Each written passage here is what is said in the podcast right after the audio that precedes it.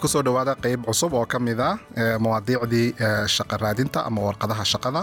Hore waxaan uga soo hadalnay cv-ga maantana waxaan ka hadlaynaa warqada codsiga ama beshunit brefka loo yaqaano. Waxaa igula sugan stuudiyaha najma cali oo ka hadli doonta warqadaas iyo sida loo sameynayo.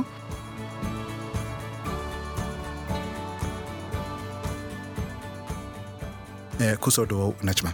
Waa mahadsantahay najma warqada waxaan hore uga soo hadalnay cv-ga maarata cv-gu wuxuu yahay iyo sida loo sameynayo iyo waxa uu ka koobnaanayo. Waxaa haddana jirta warqad kale oo aan hore u soo sheegno lahahdo beshunit brev ama warqada codsiga shaqada. Warqadaasi maxay tahay? Maxaase looga baahanya in warqadaasi uu qofku haysto warqadda codsiga ama hadda ad adu ugu magacaabdo beshunli brev luqadda swedishka lagu yiraahdo waa warqad aad adigu is tilmaamaysid oo adigu aad iska sheekeynaysid ama aad yani qofka shaqa bixiya aad tusaysid wixii aad horay u soo qabatay iyo sababta aad shaqadan aad u raadsanaysid ama shaqadan aad u soo dalbatay. Marka waa warqad xog wax yar ka gedisan cv-ga marka waxay ku saabsan tahay shaqadana dalbanaysid sababtaad u dalbanaysid ayay ku saabsan tahay warqadani. Oo warka waa qoraal weeyaan. Waa qoraal haa. Sidii aan horey u soo sheegnaba markaan cv-ga ka soo sheekeynana cv-gu waa liis ama arji sidii taariikh ahaan aad u qoraysid. Warqadda laakiin warqadda codsiga waxay ku saabsan tahay horta tan koowaad waxay ku saabsan tahay shaqadan aad marka aad codsanaysid. Markasta markastaad shaqo cusub aad codsanaysid waa inay warqadda codsiga xoogaa ka yara gadisnaataa tii hore sababtoo sababaha kala gedisan khibradaha qofka uu shaqa bixiyaha u baahan yahay baa kala gedisan marka sidaas darteed waa warqadda codsiga waa warbixin adigu aad iska bixinaysid oo aad u diraysid marka qofka shaqa bixiyaha. Marka waxaad leedahay warqado badan baad haysan karaysaa oo aad ku dalbanaysa shaqooyin kala duwan. Oo mid walba ay u gaar tahay shaqo gooniya. Waan gartay. Maxay ku kala duwan yihiin cv-ga iyo warqadani ama warqadda codsiga beshunit brefka maxay ku kala duwan yihiin sida hadda waan u sheegay warqadda cv-ga waa liis ama arji oo si taariikh ahaan khibradahaaga aad hore u soo qabatay iyo tacliintaada hore aad ku qoraysid. Marka wax saas daraadeed way ka gedisan tahay. Warqadda codsiga oo beshunit brefka laakiin sidii warbixin baad u qoraysaa oo sidii far caadiya adoo qof ehelkaaga kale waraaq u qoraya baad markaad u qoraysaa. Waxaana muhiimkeeda ama hadafkeeda uu yahay warqadda codsiga sababta aad u dalbanaysid shaqadan iyo sababta aad u yani maxaad ku soo biirin kartaa mee shaqadan aad markaa codsatay. Marka muhiimaddu waxa weeyaan codsiga ama ogeysiiska shaqada bannaan inaad ku salayso warqadda beshunit brefka ama warqadda codsiga shaqada. Inaad akhrido kadibna aad ku salayso sababtaad u raadsanayso shaqada. Ha si wanaagsan. Maxay ka koobnaanaysaa warqadaasoo kale? Intee leeg inay noqoto weeyaan ama maxaa lagu qorayaa? Warqadda codsiga waxaad ku qoraysaa sababta aad u dalbanaysid shaqadan. Waxaad tusaaloo kale odhanaysaa shaqadan dukaanka ama shaqadan bonkhotaraha waxaa la dhaho carruur hayskoo kale. Sababtan shaqadan aan u soo dalbanayo waxay tahay khibrad horaan u lahaa oo meeshaan iyo meeshaan oo kale aan ka soo shaqeeyey ama yacni shaksi ahaantayda iyo waxyaalaha aan ku fiicanaya shaksi ahaantayda baa ku habboon shaqadan. Waxaan ahay qof carruur soo korsaday markaasaas daraadeed waxaan is leeyahay shaqadan ama waxaan hubaa shaqadan bankhotaraha ama carruur hayska inaan ka soo bixi karo.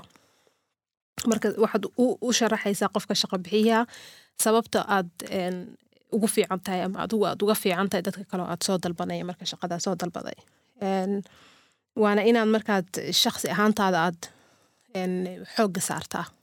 Sababtoo qofka shaqa bixiyaha wuu akhriyay marka hore cv-gaaga marka wuu ogyahay khibradaada laakiin wuxuu rabaa inuu ogaado khibradaadan maxay ku soo biirinaysaa? Shirkadan ama shaqadan markaa bannaan. Muxuu qofka shaqa bixiyaha uu kaa faa'iidayaa inuu adiga shaqadan ku siiyo ama adiga uu waraysi kugu yeero sidii marka aan marka hore baan u soo sheegnay cv-ga markaan ka soo sheekeynaynay iyadana waa muhiim inaad ku qortid magacaaga taleefonka lagaala soo xiriirayo iyo emailka lagaala soo xiriirayo. Intaasoo dhan inay markaa ku jirto warqadda codsiga waxaad sheegtay inay tahay warqad muhiim ah oo aad ku qancinaysid qofka shaqa bixiyaha. Ah macnaheedu marka waxa weeyaan ee, waxaad isku dayeysaa inaad qoraal kooban ku samaysid sababta aad ugu habboon tahay inaad shaqadan heshid. Marka waa warbixin toosa ama wadahadal toos aad ula sameynaysid qofkii shaqada raadin ub ama soo bandhigay. Ha marka waana waana fiican tahay inaadan marka wixii cv-gaaga ku qornaa aadan haddana dib uga sheekaynin sababtoo ah xasuuso qofka wuu akhriyay markii ugu horeysaba wuu- akhriyay cv-gaaga markaas wuxuu is yiri okay qofkan khibrad fiican buu leeyahay marka waxaan rabaa inaan sii ogaado qofku muxuu yahay. Qofkan waa qof noocee ama waa qof sidee ah. Markaas sidaa hadda adigu u sheegtay marka waa warbixin saa'ida waan gartay. May jiraan waxyaaba aanad u baahnayn inaad warqadaas oo kale ku qortid ha yani marka aad warqadda aad qoraysid eh, waxaad ka eegeysaa horta hore muxuu qofkan shaqa bixiyaha u baahan yahay inuu ogaado? Waxyaalo badan waxaa jira hadda familkaaga intuu qofku ka kooban yahay. Muhiim ma ahan inaad laba carruur leedahay saddex carruur inaad leedahay inaad xaas tahay uma baahna qofka shaqa bixiyaha inuu ogaado. Da'daadoo kale wax muhiima ma ahan. Marka waxyaalahaasoo kale uma baahnid inaad ku qortid. Muhiimadda laga leeyahay maxay tahay inaad warqad warqadda codsiga ama bashoonid breefka uu qofku uu ku lifaaqa cv-ga muhiimaddeedu maxay tahay muhiimadeeda horta waxa weeye qofka inaad isbartid sababtoo qofkan wejigaaga muu arkayo kumuu yaqaano aqoon hore kumuu lahan hadafkeedana marka waxay tahay inuu qofkan aad xiise gelisid si uu waraysi kugu yeero ama interview uu kugu yeero si aad si fiican marka aad isku sii bartid marka warqadan waa warqad adiga ku sharaxaysa ku sheegaysa nooca aad tahay ama qofka aad tahay isagoo yacni qofkan uusan aqoon kugu lahayn. Marka saas daraadeed waa muhiim inaad warqadda codsiga marka si fiican aad u qortid sababtoo ah waxa aad ka aad hadafkeeda uu yahay ama aad adigu aad ka doonaysa warqadan markaad diraysa waxa weeye qofkan inaad isa hadda u sheegay inaad xiise gelisid si uu waraysi kugu yeero markaasaad si fiican qofka isku sii bari kartaa waan gartay marka muhiimadda waxa weeyaan inaad qofkan shaqada ma soo bandhigay inaad ku qancisid inaad tahay qofka ku habboon shaqadan. Ha marka warbixin ee, ku saabsan arrintaas weeyaan. Okay waan gartay si fiican. Haddaan hore u sii socono su'aalaha ee, ku saabsan warqadan intee leeg bay warqadda u baahan tahay inay noqoto? Warbixin intee leeg baan ku qorayaa?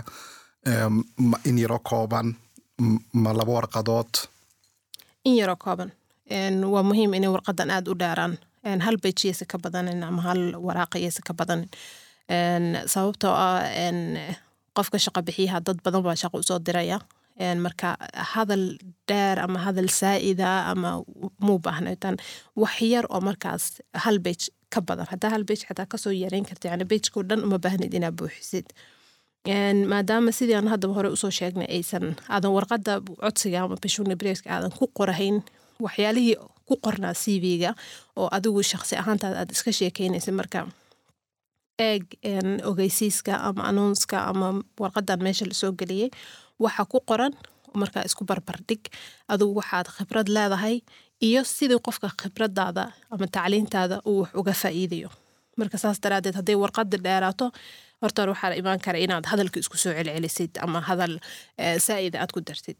Marka hal bage haddaad warqad hal bage ka badan haddaad qortid waxbaa si fiican u qornayn marka dib u akhri oo isku day inaad mar labaad sii yaraysid warqadaas waan gartay najma. Eh, aniga adiguba in badan baan ka soo shaqaynay xafiiska waan aragnay warqado fara badan oo maaragtay warqadaha codsiga shaqada. Kolkol waxaad arkaysaa warqada ay ku qoran yihiin oo kale qofku inuu wadanka xilligaa yimid inuu warbixinahaas oo kale inuu wadankaa timid xilligaas inta aad joogto waxa aad samaysid. May- may- may- muhiim bay u tahay inuu qofku ku qoro. Hadduu wadanka ku cusub iyo kale qofku tusaale ahaan waxay ku xiran tahay sababta aad ugu qoraysid. Qofka shaqabixiyaha shaqadan uu soo dalbaday ma wuxuu doonaya qof wadanka ku cusub. Ma ku qornayd ogeysiiska markaad akhriday waxaan doonaynaa qof markaa wadanka sanad ama laba sano jooga. Haddii ay u baahan yahay qofka shaqabixiyaha informationka ama waraysiga haa ku qor. Laakiin haddii uusan u baahnayn oo meelna aysan uga qornayn ogeysiiska uma baahnid wadanka markaasaan imayd iyo markaasaan halkan soo deganaa marka iyo maxaa la yirahdaa waxyaalaha yani saa'idka uma baahnid inaad ku qortid oo shaqsi ahaantaada ku saabsan markaste sidan horeba u soo sheegay isku barbardhig maxaa la yirahdaa ogeysiiska iyo waxa adigu aad rabtid inaad iska tilmaantid ama iska sheegtid haddana qofka horeba u soo shaqeyn ama wax khibradaba aanu u lahaynba shaqooyinka ama shaqadan maaragtay uu dalbanayo maxay uu ku qori karaa warqadda codsiga maxaa muhiima uu ku sheegi karaa maadaama ay tahay hadafka warqadda codsiga inaad isku tilmaantid qofka shaqo bixiyaha sababta adigu ugu wanaagsan tahay waxyaalaha aad ku fiican tahay haddii aad khibrad ama tacliin kale aadan u lahayn baad ka sheekayn kartaa. Tusaale kale waxaad oran kartaa anigu warqadan ama shaqadan bonk hotelan waxaan u dalbanayaa inkastoo aanan ka soo shaqaynin caruuraan soo korsaday ama caruuraha dariskeenaan soo hayay markaan yaraa marka saas daraadeed khibrad baan u leeyahay oo waxaan ahay qof ku wanaagsan carruur hayska. Waxaan ahay qof isxilqaan badan oo yani markasta uma baahni in wax kasta ii tilmaamito aniga isxilqaama qof waxaan ahay mas'uula qof waxaan ahay yani taxadar badan. Waxyaalahaasoo dhan waxay noqonaysaa wax qof shaqa bixiyaha u baahan yahay. Marka haddii aadan tacliin ama khibrad kale aadan lahayna waxyaalaha shaksi ahaantaada aad ku fiican tahay baad ka sheekeynaysaa marka haddii barnaamijka intaanaan soo soo gabagabaynin haddaan dib ugu yar noqono iyadoo kooban warqadan codsiga shaqadu waxa weeyaan waa warbixin ama ama qoraal aad ku qancinaysid qofkii shaqa bixiyaha inaad tahay qofka ku haboon shaqada maadaama waxyaabaha aad hayso khibradaada ka sheekeynaysaa yani waad u soo koobaysaa markastana ka fikar inay yani inaad rabtid ina qofkan aad iska iibgelisid yani inaad si fiican isku bartid swedishka waxaa lagu dhahaa sel inde khal laakiin af soomaaliga markii lagu lagu turjumo xoogaa waxay noqonaysaa si kale laakiin waxaad rabtaa yani inaad qofkan shaqa bixiyaha aad iska iibgelisid ama aad si fiican isku bartid ama aad yani tustid warqadaas yartaa kooban aad ku soo qortid inaad tahay qofka ugu fiican oo ku fiican shaqadaas waxaad tiri aad iska iibisid baa tiri ma fahmi marka waxaan doonaya iska iibintaas sidee ma sii sharaxi kartaa see loosaga iibinaya macnihii qofka shaqa bixiyaha? Waxaad kaga iibinaysaa sidii hadda aan hore u soo sheegnay inaad sidii adigu nooc qofkan aad tahay ama khibradaad inaad si fiican aad u aad u tilmaantid. Waxna ha is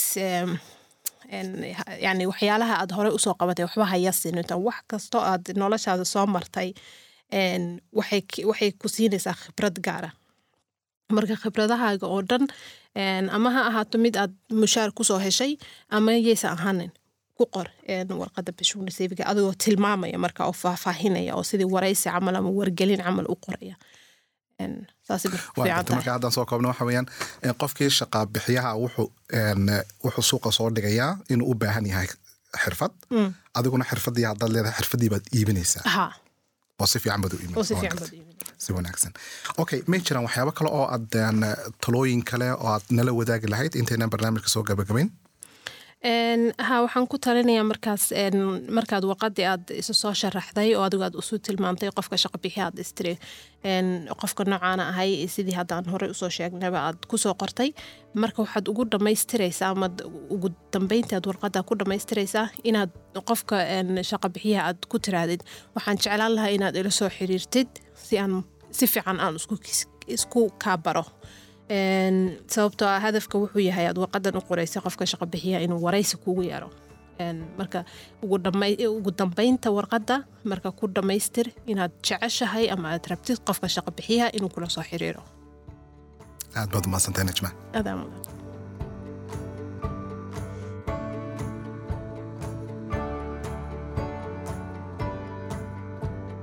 waa tahay dhegeystayaal intaa waxaan ku soo gabagabaynaynaa mawduucii ku saabsanaa warqadda codsiga shaqada ama bashunit breefka. Mawduuca labaad ama mawduuca kale wuxuu noqon doonaa su'aalaha inta badan ku yimaada interviewga. Marka lagugu yeedho interview. Intaan ku kulmi doono mawduuca kale waxaan idinkaga teganaa sidaas iyo nabadgelyo. Magacaygu waa maxamed cabdilmajiid